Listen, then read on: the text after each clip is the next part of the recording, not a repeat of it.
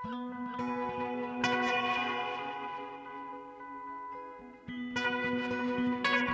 og sæl, kæru hlustendur, Jóhannes Ólafsson og Halla Harðardóttir heilsekkur úr hljóðstofu við sjár, þriðdægin 27. júni. Og í þætti dagsins, sumartónleikar í Skálholti, vísitala myndlistar og heimsbyggilegar vangaveltur. Hagfræði og myndlist, fagurfræði og fjármál, þetta eru heimar sem sjaldan mætast þannig að úrverði listaverk. En á fymtudag opnaði í ásmundarsal engasýning Geirtrúðar F. Hjörvar sem kallast Vísitala. Þar eru listaverk sem sprottin eru upp úr personlegri hrifningu geirþrúðar á tölfræðilegum breytum settum fram á sjónrænan máta sem einföld tölfræði ritt. Vísitala sækir innblástur í skýringarmyndir fjármálakerfisins og einnig þá hugmyndað hægt sé að formgera efnahagsstefnur í haldbæra hluti. Við hittum Geirþrúði F. Hjörvar í ásmundasal síðar í þættinum og tölum um peninga og list. Getum við tamið okkur að hugsa minna eins og einstaklingar og meira eins og ein heilt? Reynd að sjá hvernig allur lífsvefurinn er samfældur þráður með uppruna í sama punktinum. Freyja Þórstóttir ætlar að kafa hún í djúpið alla leið til uppruna lífsins. Í loka pisli sínum hér í Vísjá. Þar fjallar hún um sköpunarkraftin sem býr í náttúrunni og okkur sjálfum og hvernig við tökum hann stundum út úr ringrásinni og beitum honum á hátt sem er á skjön við heilbriði jarðarinnar. Veirum það hér á eftir. Sumartónleikar í Skálholti hefjast á morgun og standa yfir til 9. júli. Benedikt Kristjánsson, tenorsöngvari, er listrætt stjórnandi þetta árið en hann flutta aftur heim til Íslands fyrir tveimur árum eftir margra ára tvöl Erlendis. Benedikt hefur verið önnum kafinn sem sjálfstætt starfandi söngvari síðan hann flutti til Berlínar 2008 og hefur hlotið fjölda viðkenninga og verluna frá því hann útskrifaðist frá Hans Eisler tónlistarháskólanum í Berlín 2015. Hann hefur komið fram í mörgum stærstu tónleika óperuhúsum heims, er stöðugt á ferðinni og bókaður langt fram í tíman en hann hefur gefið sér tíma til að stýra henni rótgrónu tónlistarháttíð sumartónleika í Skálaldi og hann er komin hingað í hljóðstofu Vísjár innilega velkomin Benedikt. Takk fyrir það.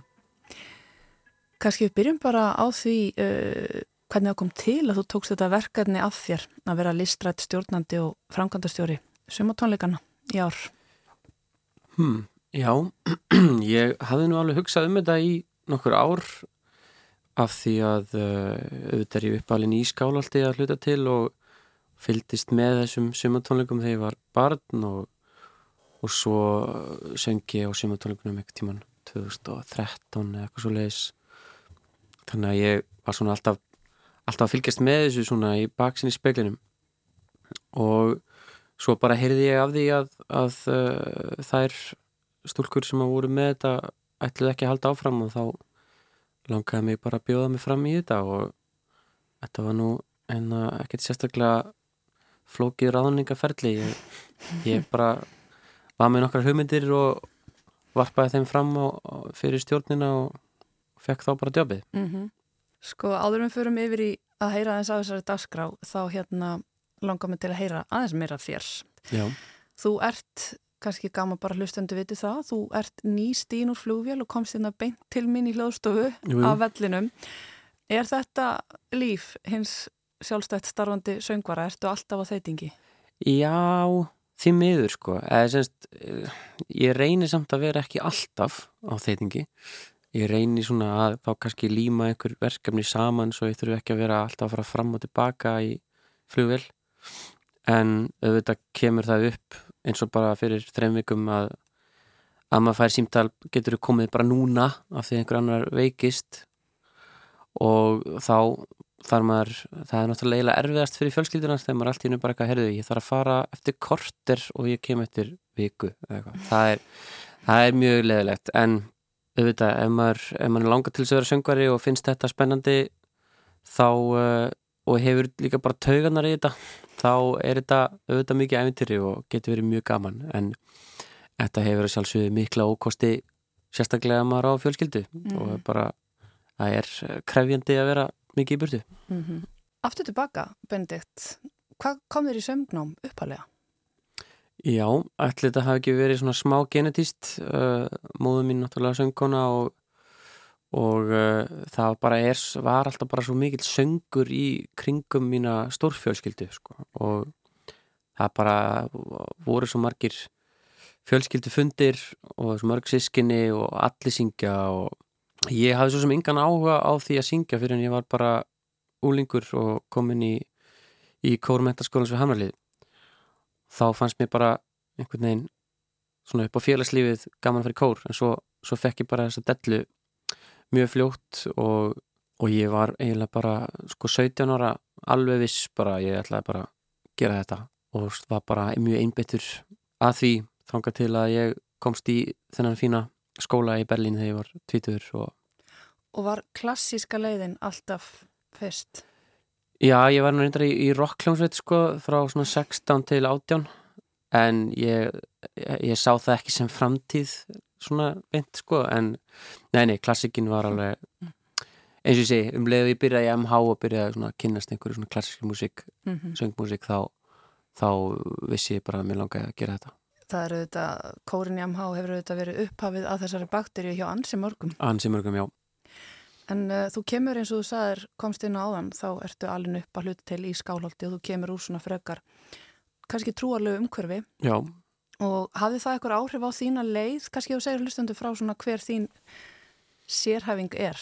Já, ég, uh, pabbi minn náttúrulega prestur og, og síðar biskup og Jújú, jú, ég hef mjög mikla svona guðfræði æð í mér sko og það, það eh, skýn í gegn í þeim verkefnum sem ég tek að mér sem, sem söngari og þannig að eh, já, þetta, þetta var ekki bara sko áhugin sem að var í, tón, í kirkutónlist heldur að var bara það að, að röndi mín er náttúrulega ekki sko fær í flestan sjó en hendar bara mjög vel í þessa baráktónlist mm -hmm. og, og trúarlega tónlist og og þá hef ég náttúrulega það, það forskot kannski á aðra útlendinga að ég ólst upp í Þýskalandi aðeins sem barn og tala bara reypinandi þýsku og ekki með neinum sérstökum reym ég tala bara þannig sé eins og innfættur mm -hmm. og það er í þessari tónlist bara auðvitað, mjög mikilvægt ef maður ætlar að segja sögu á þýsku eins og ég er oftast að gera mm -hmm. Og það má segja að Bach sé þinn maður. Hann er minn maður. var, ég var í Leipzig um daginn og var Bachfest Leipzig og, og pianistinn Lang Lang var spurður í hérna viðtali What do you think of Bach? Og þá sagði hann hérna Bach is the greatest, you can't replace him. Nei, það er rétt hjá hann. Það er ekki hægt að gera það. Það er sindir að sem gripið við það. Já, nei, Bach hann er minn maður. Það er bara einhvern veginn óendalega uppspretta af snild og ég er unnið bara snild er ekki og rétt árið þetta er bara, já, maður, maður kemur þessu bara ekki orð sko, hvað hva kallin er alltaf að opna nýjar hurðir tilverinar fyrir mann sko. Einmitt, og hvernig næra tengja við fólk á já, öllum tímum. Einmitt, það er einmitt annir sko. Mjög merkilegt. En það er þetta sem að tónlistin gerir ef hún er góð. Jújú jú. En uh, ég veit ekki, kannski fara þessa spurningu oft maður veldi þetta fyrir sér tenor eins og þú sem að sér að þessi í trúalegri tónlist og syngur tónlist sem að verði snerta fólk á öllum tímum um, er betra að vera trúaður til að syngja þessa tegum tónlistar vel? Já, ég, það er rétt hjá þér, ég fæ þessa spurningu mjög oft sko um, í sko það er allavega mjög mikilvægt að minnstakosti setja sig í eða sérst vera opinn fyrir því sem stendur í reyningunni og uh, geta geta hort á það uh, án þess að blanda saman kannski einhverjum svona nútímalegum tilfinningum um pyrring varðandi, varðandi trúarstofnanir og eitthvað svoleiðis heldur bara að horfa á bara Jésu bara sem, sem mannesku og, og það að uh, hann upplifir einhverja tilfinningar sem eru bara mjög manneskjulega tilfinningar og uh, geta þess vegna tólka það án þess að vera að horfast í setja það í eitthvað svona mannkinn sögulegt samhengi sem að geti uh, farið í töðnarámanni mm -hmm. þá, já. En jú, svona flestir sem að ég er svona að gera músík, þessa músík með eru nú trúaður sko. Sko ég get alls, ég myndi aldrei segja að það væri einhvers konar uh, líkill af einhvers konar velgengni í þessu, það er líka það er raun og veru bara orka bara tvímælis því að það eru fullt af fólki sem að hérna, kann rítninguna vel en fer ekki eftir henni sko og hérna eins og segir mm -hmm. þannig að uh, nei, nei, ég myndi aldrei segja það en, en auðvitað, ég sjálfur er trúaður og, og, og þetta hefur uh, þetta, þetta snerti mig líka á þann hátt ekki bara tónlistarlega mm -hmm. en, en hvernig nálgast þessu verk sem, eh, sem söngvari að því að ég veit að þú hefur gert líka tilraunir með hennan arf. Já. Ég sá að þú vannst til dæmis til virtra verluna í Þýskalandi þegar þú söngst Jónasapassjuna 1 Já. og um, þú söngst Vetraferð Sjúbert í Likju í Sólaring Já, nei, mér finnst það líka bara sko það eru til svo ótrúlega marga góðar upptökur af Jónasupassinni og það er til svo ótrúlega marga góðar upptökur af vetraferðinni og þegar ef ég ætla að búa til aðra sem er bara sagt, eins og hún er skrifuð sko uh, það kaupir enginn geisladiska í dag skilur. það er enginn sko ávinningur að taka upp hluti nema þá bara fyrir sjálfan mig, mig því að mm -hmm að fólk sko hugsa, já, Vetarfjörður Sjúbert það er frábært, ég ætla að finna hérna á Spotify Fischer Díská, Herman Bræ uh, Kristján Gerhard finn ekki Benedikt Kristjánsson, það er bara ekki að fara að gerast þannig að sko þetta er ekki að fara að vera aðgengilegt fólki, það er mjög litla líkur á því.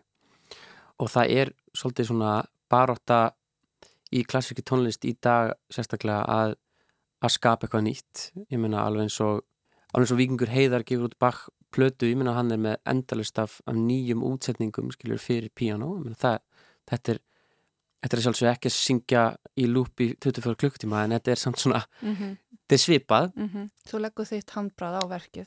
Já og maður gerir það til þess að mögulega varpa kannski bara einhverjum nýjum kastara frá nýri átt á eitthvað sem maður hefur þekkt í langan tíma og gákvöldum að kannski með, með þessari aðferð finni bara eitthvað nýtt og og það er líka þannig mér finnst það alveg mjög mm -hmm. mjög auglustlega að vera þannig að, að allt í einu býtu sér maður bara eitthvað, já ok. Til dæmis einhverjir kórar í Jónasabassinni sem að ég sem sagt kalla út bara orðin í staðin fyrir að syngja á meðan tónlistamennir fyrir aftar mig er að, er að spila einhvers konar úrdrátt af músikinni þá allt í einu segir fólku mig, já, ég hef eiginlega aldrei fatta sko tekstan í svon kór af því að þá voru bara hundra manns að syngja textan og kannski var hann ekkert droslega skýr og það er svo ótrúlega mikið í gangi það er stór hljómsveit og það er stór kór og það er mikið hláði og allt í hennu er bara einn, einn maður bara svona varpa þessu fram eins og eins og hann sé að selja tómata bara á einhverju markaði og allt í hennu bara svona hittir það fólki, já ok það var þetta og þetta er svona, það er gefandið þegar maður fær svona tilbaka frá fólki að, að það hefði upplifað eitthvað sem að hefur einmitt ekki upplifað áður mm -hmm. með þessari venjulegu uppferðslu af, af hlutunum. Einmitt. Er þetta að vinna í þessa átt á nýjatisnuðinum eða getur þú satt okkur hans frá honum? Já, þetta er já, þetta er svolítið þannig. Uh, ég tek sko bara tónlist frá Bach, allt saman úr arjur og, og restatív frá mismjöndi kantitum sem að sem ég syng uh, sem personan Jútas og textandi sem ég finn passa bara við um, já, söguna sem ég langar til að segja um þessa personu Jútas og um, ég flytti þetta, þetta er náttúrulega sviðsverk líka og ég er búin að flytja þetta núna nokkur sinnum og þá bæti ég við textum úr bók sem heitir Jútas eftir uh, hérna Amos Oz sem er ísraelskur reythöndur, hann er reyndar dó fyrir 6-7 árum. Og, og þar er bara svona, þetta er svona monolog sko frá Júdasi. Og, og þetta kemur inn á milli í, á tónleikonum þannig að þetta er svona eins og í raunum veru eins og leikús, leikrit bara fyrir einamannisku og, og mér langar til þess að gera þetta því að því að sko í þessum passíum baks er Júdas svolítið einfaldur karakter, hann er raun og veru bara svona vondikallin og það er ekkit, það er ekkit sérstaklega mikið að vera eða einhverju púðri að pæli af hverju sveik hann Jésu af hverju fyrir svona mikið af silvupenningum en ekki? Og hvers verði var það? Og, hver, hvert, hvert er hans hlutir, hvers konar manneskja var hann og þetta kemur ekkert neginn ekki fram. Og ég hafði bara strax svo mikið áhuga á þessari personu bara fyrst þegar ég söng mér fyrstu passju frá bak og eftir bak þannig að mér fannst þetta svona það var svona svolítið eins og að búa til bara passju júdasar mm -hmm. og emitt þannig að, þannig að þegar þú ferð á þessu tónleika þá heyruru verk sem að þú er heyrt í einhverju öðru samengi og núna er þetta búið að trúa þessin einn í allt annað samengi þó að þetta sé nákvæmlega saman tónlistin þá, þá upplifur þetta sem eitthvað gjör ólíkt Emitt og þessi tónlist kemur út í byrjun júli Já. þá getur við fengið að heyra þetta og uh, þú ætla vonandi að flytja þetta fyrir okkur hér á landi eða hvað? Jú, það væri mjög gaman. Eina vandamáli er að náttúrulega tekstarnir sem ég er að segja sko er á þýsku. Mm -hmm. um, þú eru bara þetta allt. Ég er bara því þetta. Það er bara svona. Já, ég ætla, ef ég ætla að gera þetta í bandaríkjunum þá verður ég náttúrulega líka að gera þetta á einsku. Mm -hmm. Þannig að, jújú, jú, það væri bara flott sko. Jú, ég vona bara að ég geti gert það. En þanga til, þá verður við bara að njóta þess á þýsku. Jú, jú. Um, en að skálhaldi aftur mm. Segð mér aðeins frá þessu prógrami hlustandi getur þetta kynnt sér þetta allt saman á heimasíðu hátærinar en ég vildi fá að heyra svona aðeins af svona því helsta. Það er svo af svo mörg að taka. Já, það er bara af mörg að taka og það eru til dæmis sko tvö afmæli sem er sem sagt 400 ára dánardagur Williams Byrd sem er fjóruði júli og við ætlum að flytja prógram bara með tónlist hans fjóraðaguli um, þar sem við flytjum messu fyrir fjóra rattir til dæmis. Bara, sest, bara fjóra rattir, engin annar hljóðfæri. Og svo Guðrún Óskarstóttir ætlar að spila nokkur sembalverk svo er um, frá uh, cirka 300 árum setna fæðist hann Georgi Ligeti ungverska tónskaldið sem að sem að semur alveg talsvett mikið öðruvísi tónlistaldinu William Byrd mm. og hann hefði orðið 100 ára á þessu ári. Og við erum með tónleika þar sem að Kordo kvartetinn leikur fyrsta strenga kvartetinn Bjarni Fríman leikur bæði orgelverk og sembalverk og svo verða fluttar uh, bagatellur fyrir blásarkvintett og já, þetta verður mjög þetta er rosalega aðteglisverð músík og þarna sjáum við til dæmis orgelið notað á hátt sem að engum hefði órað fyrir á þessum tíma að maður myndi nota orgel svona mm -hmm. Mm -hmm. í raun og veru byrja verki bara með því að maður leggur bara báða arma bara á allt liklaborðið það er svolítið skemmtilegt mm -hmm. svo er hérna opnuna tónleikarnir eru frumflutningur á verki eftir Hjalta Nordal Gunnarsson þar sem að hann er með textað sem að Bach notaði fyrir eina kantutu Lípstur gott vann verði ekki sterfin og Hjalti býr til kantutu sem að hefur uh, barokklegar skýrskótanir vissulega en sko hljóðfæra valið er bara gjörsanlega allt öðruvísi. Við erum með sko strengja kvartett sem er bara eitthvað sem er hefði verið mjög eðlitt á tímum baks en svo erum við með sko saxofón, ramaskítar, marimbu, harmoniku slagverk og uh, bassaklarinett. Þannig að sko hljóðheimurinn er eitthvað, eitthvað algjörlega frábriðin mm -hmm. öllu. Þannig að þetta finnst mér líka mjög skemmtilegt því að þetta mætast bara mætast bara tveir pólar. Bara með eitthvað, eitthvað mjög rótgróði, mjög gamalt og eitthvað alveg nýtt og ætlar að setja það saman í súpu bara eins og sushi og gulars og já, svo eru sko, loka tónleikarnir eru þeir sem ég er gríðarlega spenntur fyrir þeim því að það er sem sagt verður kynnt fyrir Íslandingum þetta ótrúlega frábæra tónskáld baróktímans Jan Dísmas Selenka sem er fættur bara mjög svipum tíma og bak og var er sérst tekniskur og starfaði í Dresden mestmægnis og þarna var að flutt tvö hljómsveitarverk fyrir hljómsveitkóru og einsöngura undir stjórn Jönu Semeradova sem er tekniskur flautuleikari og stjórnandi og barokkbandi Brák leikur og það er Álfheiður Erla Guðmundsdóttir, David Erler, ég og Otur Jónsson sem sjáum að syngja solo og svo er á prógraminu er verk sem að tveir Íslandingar fundu á bókasafni í Vín og hefur bara ekki verið flutt sennilega í 300 ár og þessir, þeir menn skrifu þetta upp í, í tölvu svo að við getum lesið nótunar og, og þetta er bara ég heimi bara tónlist er bara stór viðburur mm. rosalega stór viðburur og, og það er mikill heiður að, að fá að bara, ég er nánast bara frumflytja þetta verk á, á okkar tímum Einmitt. eins og við sögum hér upp við bendið þá er af nægu að taka uh, þú er búin að tæpa hérna á því helsta við bendum aftur hlustundum á það að fara inn á heimasíðu hátirinnar til að kynna sér þetta betur og ég þakka þér innilega fyrir að koma einna og segja mér östuð frá æfisögninni og tæpa á þessu allir saman. Takk Benedikt fyrir Takk að vera með okkur og gangi eitthvað vel. Takk fyrir það. Fagurt er í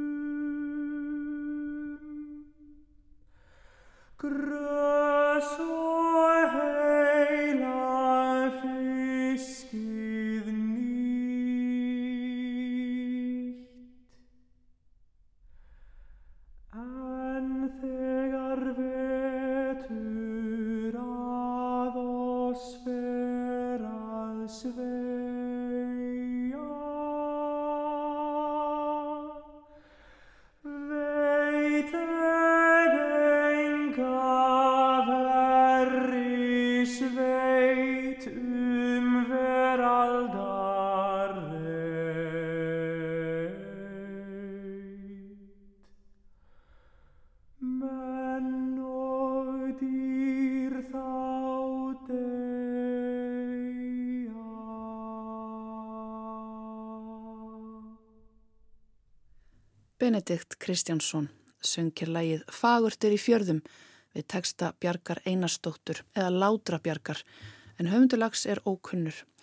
Þetta var tekið af fyrstu sólablötu Benedikts Drang indi ferne sem kom út í Þýskalandi 2019 og fekk mikið lof gaggrænda þar landi. Benedikt sá okkur frá sumartónleikunum í Skálaldi sem að hefjast á morgun en hann er listrætt stjórnandi hátíðarinnar þetta árið. Og það er komið að Freyju Þórstóttur sem að þessu sinni fjallar um sköpunarkraftin sem býr í náttúrunni og okkur sjálfum gefum henni orðið. Alveg eins og saga hverjar mannesku hefst í litlu hafi í móðurkviði áður en henni er skólað á land og nývitt teku við hófst saga lífs neðansjávar. Fyrsta lífið kviknaði í svarta myrkri, djúft á hafsbotni, laungu áður en planta ljóstilífaði eða spendir andaði að sér í fyrsta sinn. Elstu lífi getur verunar voru einfaldra gerð en með tímanum spruttu fram flóknari lífsform og einstaklingar innan tegunda urð ólíkari innbyrðis. Í dag er lífið á jörðinni dýnamískur vefur og við núr aragrúa mismunandi lífverða og tengslunum þeirra á milli. Hver og einn gegnir mikilvægu hlutverki og fjölbreytileikin er nöðsynlegur fyrir heilbreyði lífsins í heilsinni. Þótt núlefandi tegundir hafi margar flóknari þarfir og langanir en það sem á undan komu er tilvist þeirra líkt og þeirra fyrri því frumskiliri bundnar að það lefi í samljómi við hinn náttúrulega heim. Lífverða getur ekki sleiti sig frá jörðinni eða sólinni án þess að slíta sig um leið frá lífinu. Flestar fjölfrumalífurur hafa líkamsklukku sem er samstilt sólarganginum. Þar er okkar tegund engin undantekning. Nýlega rannsóknir sína að morgunbyrta hefur áhrif á taugabóðefnaframleyslu mannslíkamanns og dregur úr streitu. Þetta er aðeins eitt dæmi um órjúvanleg tengslokkar við sólina. Að samaskapi þurfa lífurur að laga sig að veðri og vindum Ferðarlögum fuggla heimshorna á milli er hagað í takt við ástíðaskipti. Lífurir eru þannig í nánu sambandi við hræringar heimsins en líka í gagnvirkum samböndum hvori við aðra. Planta drekkur í sér sól og umbreytir henni í næringu fyrir ósjálfstæðari neytendur ofar í fæðukeðinni. Til að halda lífi þarf blettatígur ófær um að framleiða eigin orku að nærast á öðru dýri sem fekk orkuna sína frá plöntu sem fekk orkuna sína frá sólinni. Sama hver sterkum einstaklingsstrám lífurur stýrast af og hversu miklum styrk þær búa yfir eru þær aldrei óháðar. Orkanátturinnar og sköpunarkraftur flæðir á milli hérna ólíku formennar og þannig viðhelst og hreyfist lífið í öllum vefnum. Allar tegundir fyrir utan okkar hegða sér eins og prúðir þagnar sem virða reglur jarðarinnar því þar hafi ekki þróa með sér getuna til að brjóta laugin. Þær þjóna öllum lífsvefnum í samráði við eigin eðlisávísun sem virkar eins og finstiltur áttaviti sem tengir þær ritma umhverfisins sem þær tilhera án þess að þær þurfi að hugsa meðvitað um það. Þær eru saglösar en við, ófærar um að valda samskonar umhverfisustla því þar hafi ekki fundið líkilinn að hurðinni sem leiðir út úr ringrásinni, hafi ekki fundið upp leiðir til að lifa á skjön við hana. Þótt okkar tegund sé jafn háð móðurjörð og aðrar verur hefur henni einni tekist að fjarlæga strætur sínar og flytja inn í sjálfskapaðan veruleika sem var ekki hannaður með sjálfbærtni í huga. Of lengi höfum við trúa því að lifnaðarhættur okkar skipti ekki máli og haldið í þá hugmynd að aðskilnaðurinn við náttúruna sé eitthvað skonar framfara skref sem undirstryki sérstöðu okkar of lengi verið först í þeirri trú að við höfum yfirstíð takmarkanir náttúrunar og þurfum ekki að líta tilbaka, flutt með báða fætur inn í eigin heim. Í dag ekst meðutundin um afleðingar slíkar brottflutninga þó rætt. Við erum farin átt okkur á því að einn tegund eða ákveðnir einstaklingar innan hennar get ekki litið svo á að heimurinn sé þeirra stríi til að mála á það sem þeim dættur í hug. Þótt við höfum undir handlagnum veglegri verkfærakassa en áttfætlingarnir og fjórfætlingarnir sem við deilum heimili með, þótt við höfum greiptækan þaumal og fingerða fingur sem nýtast til að þrýsta á alls konar takka og teikna upp líkun og gröf, þýðir það ekki að við getum gert hvað sem okkur dættur í hug með slíkan mátt. Raunar er orði ljóst að ef aðrar tegundir, stórar og smáar, tækju upp á því að hunsa eðlisávisun sína, þá myndi veröldin rinja nokkuð hratt, vefurinn liðast í sundur. Við erum farin að sjá eða muna að við erum, líkt og aðrar verur, þegnar í ríki náttúrunar fyrst og fremst og ekki drotnarar. Það að búa yfir merkilegri þekkingu og tólum, búa yfir nýjustu tækninni er ekki það sama og að hafa innri áttavita í lægi. Þegar tónheirn mannsins gagvart tungutaki jarðarinnar og dýrana sljókaðist og hann fór að hlusta meira og meira á sitt eigið, sín eigin orð, stefnur og isma, þá byði hann ímislegt upp en glataði um leið ykkurju sem aðrar tegundir hafa og forverur okkar höfðu á samt núlefandi frumbyggjum sem tekist hefur að varðveita á hvern skilning. Þegar ný leið til að vera í heiminum tekur yfir geta aðrar eldri glemst. Þekking staplast yfir innsæið eins og dauður húðvefur sem dregur úr næmni snertiskinsins. Að öðlast eitthvað nýtt er að glata einhverju gömlu ef ekki lögðins úr vinna að rifja upp og muna hvað komu undan og tengja þetta tvent saman. Svarið við umhverfiskrísunni er ekki að finna upp tímahylki og ferðast aftur til steinaldar svo við getum dvalið í þeim sögukabla til eilíða núns og aldrei tekið breytingum. Svarið er ekki heldur að spóla sögu lífsins til upphafs þróunasögunar og verða aftur að einfrumungi í hafinu fullkomlega til friðis. En við getum samt ferðarstangað í huganum og endur uppgöta leið til að vera. Munað hvernig við og allar aðrar verur erum það sama í grunninn. Það er að segja getum við tamið okkur að hugsa minna eins og einstaklingar og meira eins og einn heilt reynd að sjá hvernig allur lífsfefurinn er samfældur þráður með uppruna í sama punktinum. Frá þeim stað er síðan hægt að vera skapandi á hátt sem er saminandi og sjálfbær. William Blake saði að jörðin væri ímyndunrafl. Ef jörðin er ímyndunrafl erum við, ásamt öðrum lifandi verum, hugarsmíði hennar, alveg eins og list okkar og menning eru hugarsmiði okkar. Sköpunarkraftu lífsins sem byrjaði að skissa línur á hafsbótni fyrir nokkru miljardum ára og reyfist nú í gegnum þörunga, bláklukkur, marglittur, höfrunga og aðra hlækki lífskeðjunar hefur einhvern veginn ratað upp í heila búið á okkur í opnu aðgengi. Við getum búið til nýja punta og stryk á meðvitaðan hátt, fáum að skapa eigin form eins og náttúrann sjálf. Það er eins konar kraftaverk, í það minsta mikil forréttindi. Þess vegna er synd þegar það gleymist að nota þau á gefandi hátt. Hægt er að búa til nýja menningu sem er ekki aðeins óskadaleg heldur gefur tilbaka. Aðra lífurur gera þetta náttúrulega sem og núlefandi frumbyggjar sem koma fram við jörðina eins og levandi veru, nærandi móður. Að vera lífur á jörðinni er að þykja. Við hönnuðum ekki hafið, sólina eða ávægstina. Við fengum þetta að gjöf eins og móðurmjólk. Að lifa á hátt sem felur í sér að taka ótæpilega og gefa ekki tilbaka er ekki náttúrulegt. Að ræna móðurinn að lífskrafti sínum er ekki náttúrulegt. Fyrsta skrefið aftur inn í ringrásina er að opna augun fyrir því sem við höfum. Annað skrefið er þakklæti. Þriðja skrefið er gefumildi. Freyja Þórsdóttir með sínar síðustu heimsbyggi pælingar í byli en hún snýr aftur til okkar þegar líða fyrir á haustið með fleiri vangaveltur um lífið og tilveruna. En þá að allt öðru vísi tala kallast myndlistarsýning sem opnaði fyrir helgi í Ásmundarsal.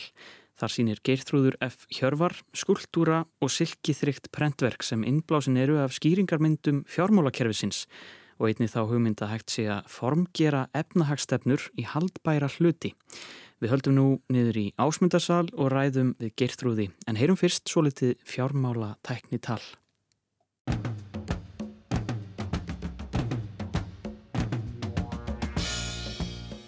Vísitala nestuverðs í janúarbyrjun var 195,5 stig sem er 0,8% hækkun frá því í desember.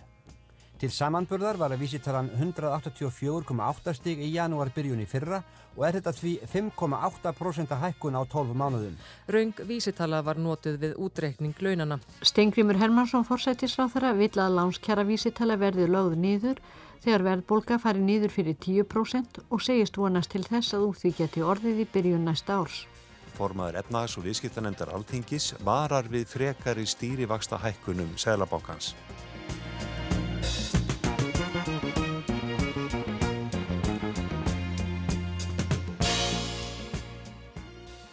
Þetta verk heitir bankakrísur og verðbólgakrísur og þetta fæðist út af því að ég var að horfa á efnahags uh, rítgerðir. Það var svona að skoða, þú veist, bara staðsetta hluti og finna út sumleiti líka bara í sögu Íslands í gegnum efnahagssöguna mm -hmm. og þá eru efnahagsrít með eitthvað bara áhvert við, þú veist, ok, maður lesi þetta og þetta er einhverju tungumálið sem að virðist svolítið torra ráðið en er, veist, það er ekkert mikið, það er svona viss orð þegar maður skiptir út, þá fyrir maður svona að skilja. Mm -hmm. og þetta er svona sambælið þegar maður horfar á skýringamind fyrir efnahagslífið, þetta virðist vera bara eins og þetta sé bara eitthvað svona bara eitthvað sem er bara óskiljanlegt. Og svo fyrir maður að horfa á það og eftir smá stund, þú veist, þá kemur merkingin einhvern veginn í fókus. Bara já, maður bara þessi breyta og þessi breyta og þá er verið að segja þetta með þessari mynd. Og þá samspil í raun þessu lógík efnaðs uh, útskýringamynda og fagufræðirinnar hvað er, hvað er merkinga bært, hvena verða form eitthvað sem að gefa merkingu? Og þá taka þetta lengri og hugsa um, þú veist, eðli rúmfræðinar eðli myndmáls. Um, og í þessu tilviki fannst mér áhvert þetta kemur út, sko, þetta er rítgerð sem að ég með. Það, heitir The Long History of Financial Boom Bust Cycles in Iceland. Mm. og þetta er aðgengilegt á, í, á vefsíðu Sæðlabankans sem ég fannst, ég hef búin að vera frétt í gegnum bara allt sem er, er aðgengilegt raun almenning uh, að því það er raun líka eitt það sem ég áhuga á er, þú veist, hvað er upplýsingaskylda slíka stofnuna og þá fannst mér þetta bara skemmtilega myndir einhvern veginn í, í því. Ég var svona kannski horfa fyrsta myndinar og horfið las svo ríkjörðana.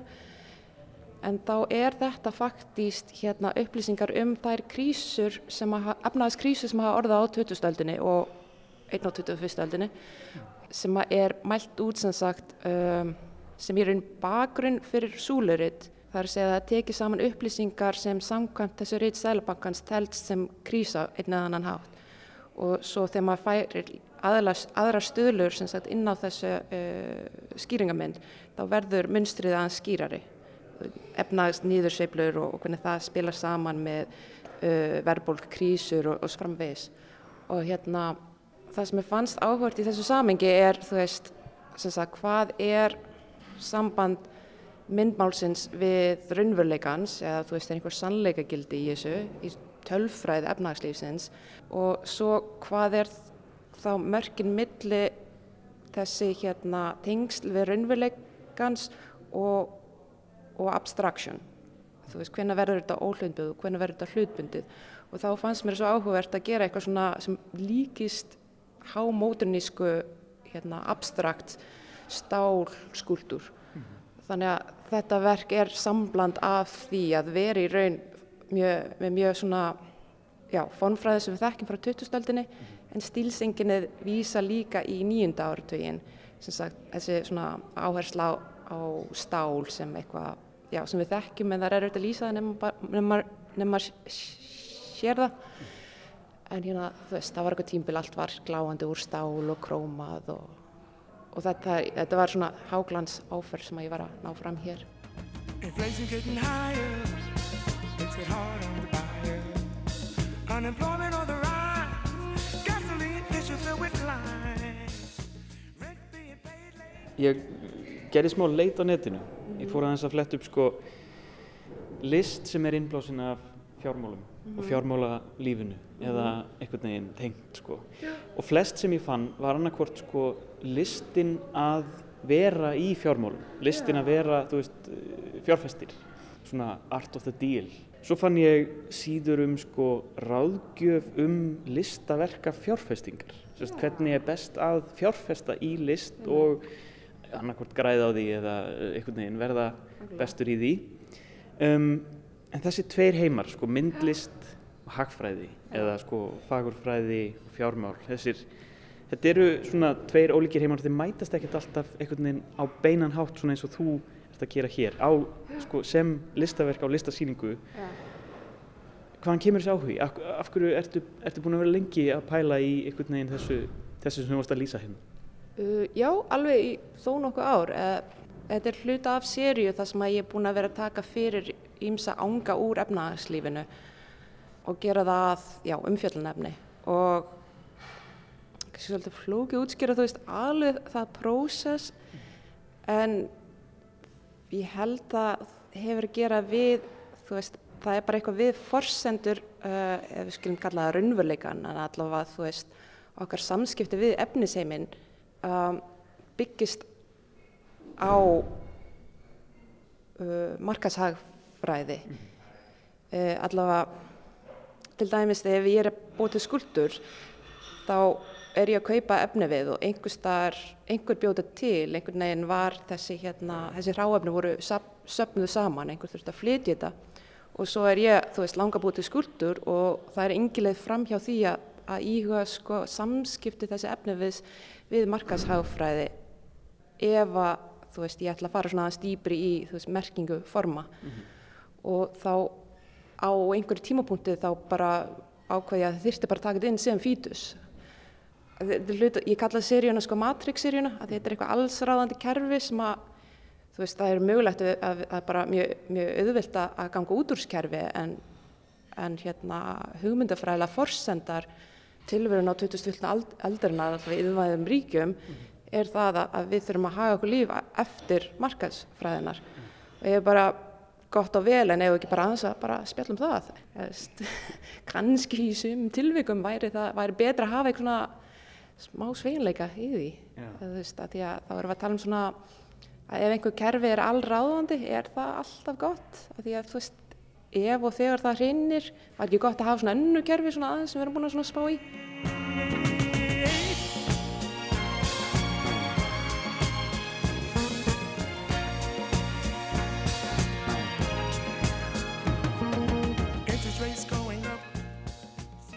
eitt sem að ég raun, mér fannst ég hafa komið staði gegn þessu síningu er að þetta er svolítið tvískipt, það er raunhagkerfið en svo er hérna fjármálskerfið og hérna þessi stálskuldur fannst mér að þetta var mjög gefandi sko að fara í gegnum þetta ferli að, að hérna bara vita meir um stál og, og bara framleiðslu bara hvað, hvað fyrirtæki er að, er að selja það, flytið inn og þú veist í hvað stál yðnan á Íslandi er bara mjög áhugaverð hvernig það hérna tengist hérna yðnvæðing frá því að skipflótin kom til landsins.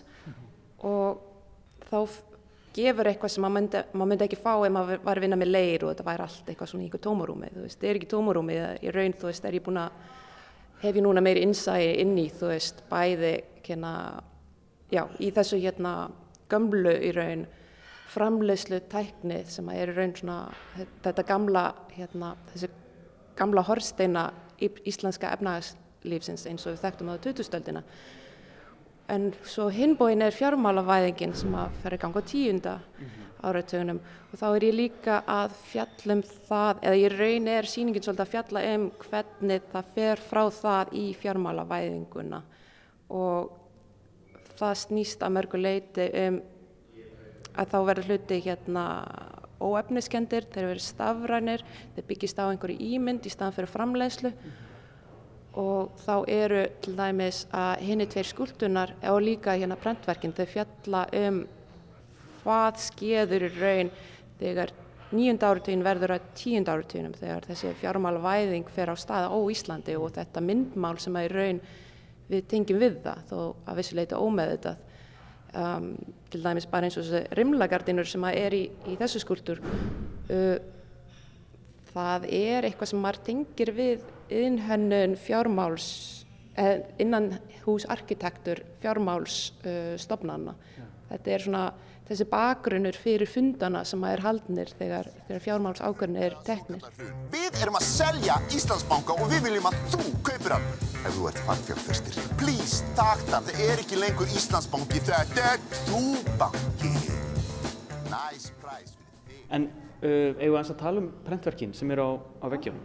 Um, þú veist að tala um sko myndmál sem við svona, sem er orðið aðeins meira abstrakt. Mm -hmm. Hvað, hvað ert að vinna með þarna í þessum prentverkum?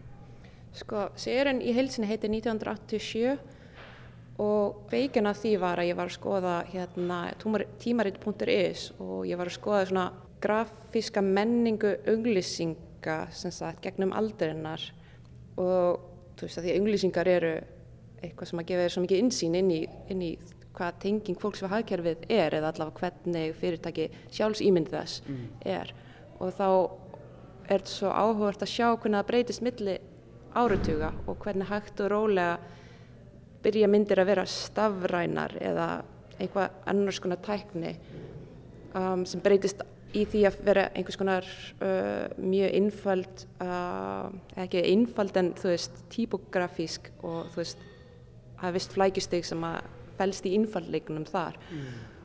og hvernig það færi svo yfir í einhvers konar auglýsingmenning sem er líka því sem við þekkjum í dag það sem er svona brosandi restfólk sem er einhvers svona ímyndunar hérna markaður, markaður fyrir svona ímyndanir. Og sem sagt ég fann, fann á tímaritt.is fann ég bankablaðið og það þá mér varst gott svona einangrað að finna eitthvað eitt blað og fylgja eftir sko sögunni. Og, og svo fannst mér bankablaðið svo áhugavert að því að þetta var svona fyrir starfsmenn hérna bankana þetta var ekki þú veist eins og maður myndi kannski tengja í dag við, við svona hvað heita svona viðskiptablaðið eitthvað þetta þú veist yeah. þetta er alltaf eitthvað svona það er eitthvað volið mikið í húfi þetta er volið æsandi eitthvað hérna og Gæti allt hrunið Já, það er kannski það sem er svona spennandi, ég veit ekki. Spennufíklar bara. Já, ég meina, þú veist hvað sem þetta er, þá er einhver fagufræði sem fylgir eitthvað nútíma hérna, tímarinn sem tengist fjárhagskerfinu mm -hmm. og uh, svo fagufræði er ekki til staðar á nýjunda áratögnum, skal ég segja þér. Hérna, þar er þetta, þetta er svona, þetta er svo lástemt, þetta er bara fólk sem mætir í vinnuna og bara vil gera hluti vel mm -hmm. og veist, það er eitthvað svona falleg íhald sem í þessu, það er bara svona fólk sem mætir og, og hérna, þú veist, þetta því útibúur en þá, þú veist, til staðar og hérna og þá var ég skoðað það blað og ég var að hugsa um sko þessa mismyndi banka og ég tók fyrir sko auglýsingar sem að fyrir banka sem að setna urðu að Íslandsbanka árið eh, 1990 held ég að þessi saminning hefði átt sér stað. Það eru fjóri bankar, það er hérna Útvegsbankin, Alþýðubankin, uh, Verslunarbankin og Yðnaðbankin. Þeir saminniðist í hennan eina banka á þessum tíma þannig að þetta var þetta var svo áhugavert sko því að til dæmis ég þekki sögun ekki nógu vel en mér finnst saga útveðsbanka það er eitthvað sem er svo þetta er svo stórt í raun fyrir Íslandsögu þú veist hvernig skipaflótin, yðnvæðingin þú veist hvernig það sé þú veist verður að er undur staða nútímanum í raun. Let the dance circulate Let circulate, circulate, circulate, circulate,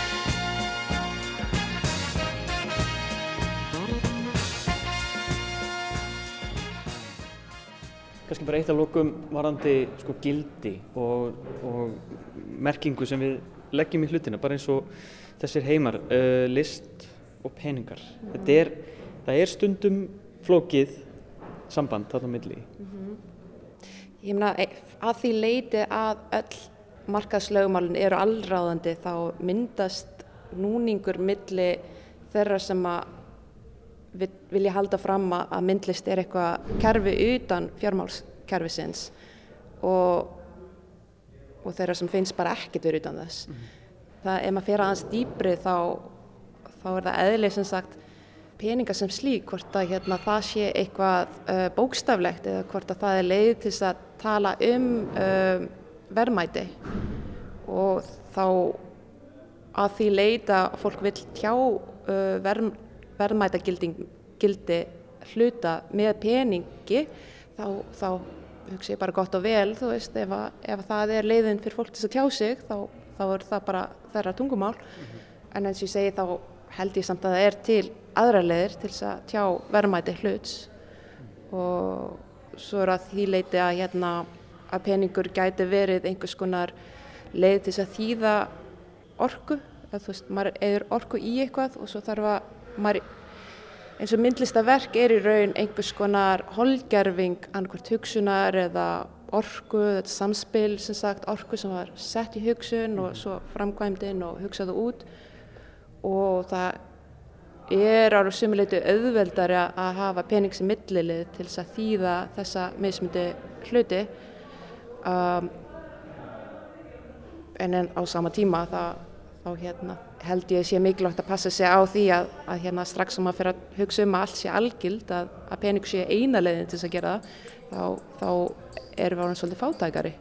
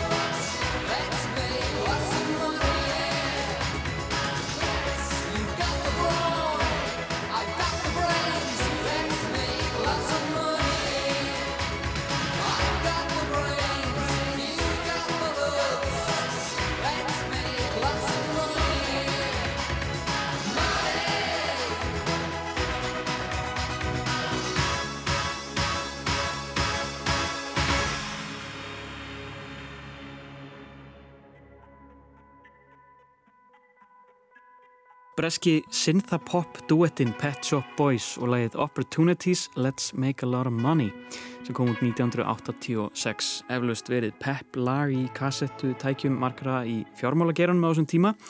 En uh, þetta tímabil í fjármála lífinu er einmitt viðfangsefni myndlistasýningarinnar Vísitala sem opnaði fyrir helgi í Ásmundasal Geirþrúður F. Hjörvar, myndlistamæður, sagði okkur meðal annars frá áhuga sínum á hagtölum, línurittum og hönnunarhúsgögnum sem innblástur verkana. Emitt og þessu syndapoppi og peningatali ljúku við vísi á þennan daginn. Takk fyrir samveldin í dag og verið sæl. Música